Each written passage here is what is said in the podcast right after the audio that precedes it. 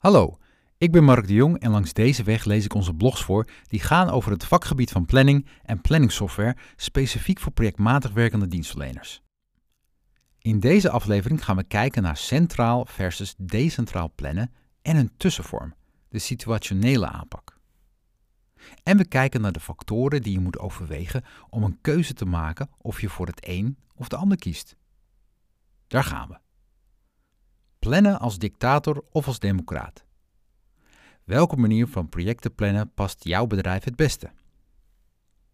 Voor een projectgeoriënteerde organisatie met meerdere medewerkers is goed plannen onmisbaar. Met een degelijke planning optimaliseer je ten eerste de omzet uit de beschikbare uren. Je medewerkers kunnen daarnaast efficiënt werken en processen lopen gesmeerd. Toch lukt veel bedrijven het niet om de juiste manier van projecten plannen voor zichzelf te vinden. De wens van grip op projecten en resources is waarschijnlijk herkenbaar voor je. Je bent niet de enige. Enorm veel bedrijven zijn dagelijks bezig met het verbeteren van de project- en resourceplanning en de processen van het bedrijf. Het is wel belangrijk dat je kijkt welke manier van plannen bij je organisatie past. In deze blog kijken we naar centraal versus decentraal plannen aan de hand van een praktijkvoorbeeld. Het voorbeeld van een groeiend bedrijf, een softwarebedrijf. Als voorbeeld kijken we naar een snelgroeiend softwarebedrijf met applicatie- en technische consultants. Een handjevol applicatieconsultants voerden langdurige projecten uit. Tijdens de uitvoering van het project werkten ze op locatie bij de klant. Meestal was dit bij twee klanten in de week. Ze waren vrij om zelf afspraken voor projecten te maken en in hun agenda te plannen. De klanten waren tevreden, want de applicatieconsultants waren erg flexibel. Naast langdurige projecten werden er door de technische consultants voornamelijk korte opdrachten uitgevoerd, van halve tot hele dagen. Door de toename van klanten en projecten nam het aantal afspraken sterk toe. Beide soorten consultants planden hun eigen afspraken. Dit gebeurde zelden efficiënt. Er werd bijvoorbeeld geen rekening gehouden met de reistijd tussen klanten, waardoor er kostbare uren verloren gingen. Ook lieten de technische consultants soms meewegen wat ze zelf wilden, in plaats van het belang van de klant. De klant moest zelf ook het een en ander voorbereiden, zodat de consultants de opdracht op tijd af hadden. Dat vroeg om de nodige afstemming, maar de technische consultants waren slecht bereikbaar. Klanten konden ook geen ander aanspreekpunt binnen het bedrijf vinden. Door de groei en na verschillende klachten besloot de directie de manier van werken en plannen aan te passen. Het roer ging om.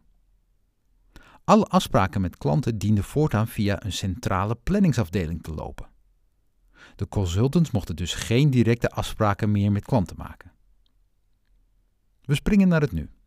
De efficiëntie bij de technische consultants is verbeterd. Er wordt ten eerste minder fouten gemaakt. Daarnaast worden projecten meer binnen de afgesproken uren afgerond en verder hebben de klanten de weg naar de planningsafdeling gevonden. Projecten worden door de centrale planners met de klant voorbereid. Er is alleen onvrede bij de projecten die een langere duur hebben.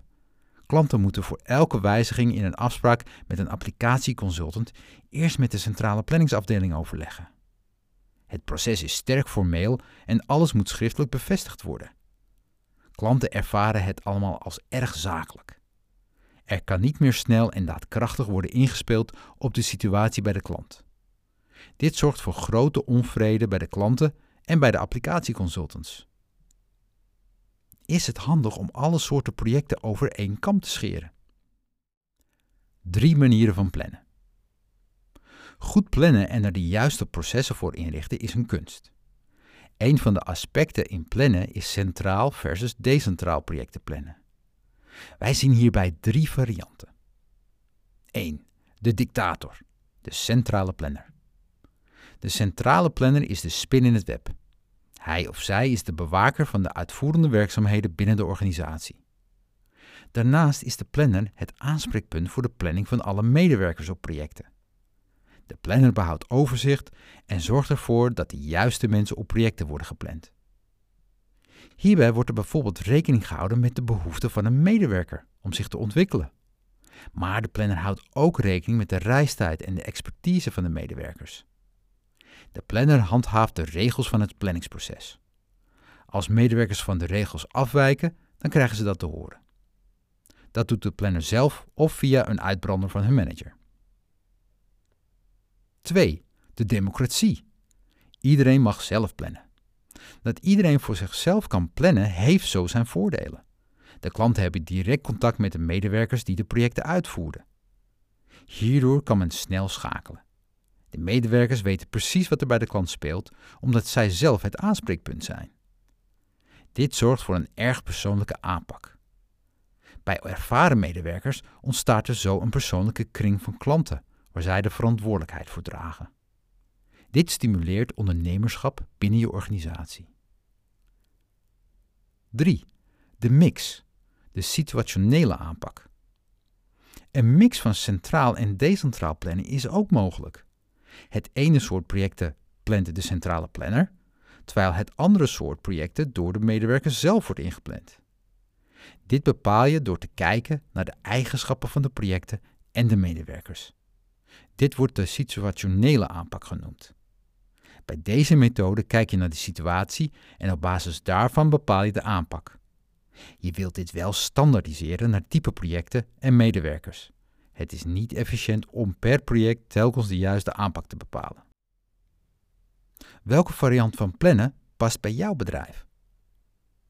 Om de juiste manier van plannen te bepalen zijn er zes vragen die je als bedrijf kunt stellen. Op basis van de antwoorden ontstaat er een duidelijke richting voor een bepaalde aanpak. Duurt je project kort of lang? Bij projecten met een lange duur is een medewerker vaak voor een paar dagen in de week met het project bezig. Afspraken worden direct met de klant besproken. Bij dit soort projecten is zelfplannen in bijna elke situatie aan te raden. Je voorkomt zo dat processen lang duren. Daarnaast voorkom je ook dat klanten onnodig moeten wachten op een antwoord van een planner die er onhandig tussen zit. Bij korte projecten heeft de medewerker vaak meerdere kleine opdrachten in de week uit te voeren. Korte klussen kan je het beste centraal plannen. Met centraal plannen heb je als bedrijf meer grip op de projecten. Je kan zo verspilling van uren beter voorkomen. Heb je veel projectaanvragen of weinig? Kort gezegd, bij veel aanvragen van klanten past projecten centraal plannen. Bij weinig aanvragen past decentraal plannen het beste. Met veel aanvragen is de kans groot dat de medewerker overspoeld wordt door alle opdrachten. Een planner kan hierbij goed helpen. De planner zorgt voor het boeken van afspraken en de medewerker concentreert zich op de inhoud van het werk. Je voorkomt zo ook dat de ene medewerker zijn agenda vol zit, terwijl een collega minder te doen heeft. De planner zorgt dus voor een gelijke verdeling van de opdrachten. Met weinig aanvragen is de kans op het mislopen van afspraken minder groot. Er is een duidelijk overzicht van al het werk. Een medewerker kan dan zonder problemen zelf zijn agenda beheren. Is je medewerker een senior of een junior? Van senior medewerkers mag je verwachten dat ze kunnen inschatten hoeveel tijd er nodig is om projecten af te ronden. Ze hebben immers de benodigde ervaring. Decentraal projecten plannen is in dit geval een prima optie. Junior medewerkers kunnen met het plannen van projecten eerder in de fout gaan. Ze missen vaak de ervaring. Het is daarom handig om een meer ervaren collega of een planner een tijdje mee te laten kijken. Zo voorkom je dat de medewerker afspraken vergeet of dat er veel uren verspild worden. De centrale planner kan in deze situatie de regie nemen. Naarmate de medewerker meer ervaren wordt, kan de planner de touwtjes steeds meer loslaten. Wat weegt zwaarder, de urgentie of de efficiëntie? Een planner ziet alles wat meer van een afstand. Hierdoor ziet hij of zij alles wat rationeler. Een medewerker kan bijvoorbeeld door druk vanuit een klant ervoor kiezen om een opdracht direct uit te voeren. Dat is dan op zich geen probleem, maar wel als hij of zij zelf op dat moment ver weg zit. Een planner heeft het overzicht over alle projecten. Hij of zij kan hierdoor ervoor kiezen om een medewerker te boeken die twee dagen later in de buurt is. Je voorkomt zo onnodige verspilling door een langere reistijd. Daarnaast kan een planner ook vaak de belangen van verschillende klanten het beste tegen elkaar afwegen. Is er een vaste of flexibele prijs afgesproken? Als het project tegen een vaste prijs wordt uitgevoerd, dan biedt centraal plannen voordelen. Een planner kan de kosten beter in de gaten houden en bijsturen wanneer dat nodig is. Het is wel van belang dat de medewerkers steeds de voortgang van het werk melden. Zo zijn afwijkingen op tijd zichtbaar. Factureer je op nakalculatie en is de inzet voornamelijk op afroep, dus zonder vast budget, dan kan je de planning beter decentraal maken. Het is natuurlijk niet zo dat werken op nakalculatie altijd beter bij decentraal plannen past. Bij veel projecten zal de klant je toch houden aan de inschatting van uren die je van tevoren hebt gemaakt. Moet er veel of weinig voorbereid worden? Centraal projecten plannen is handig wanneer je veel moet controleren en voorbereiden. Als een medewerker tussendoor ook voorbereidend werk moet doen, dan zet dat de productiviteit onder druk.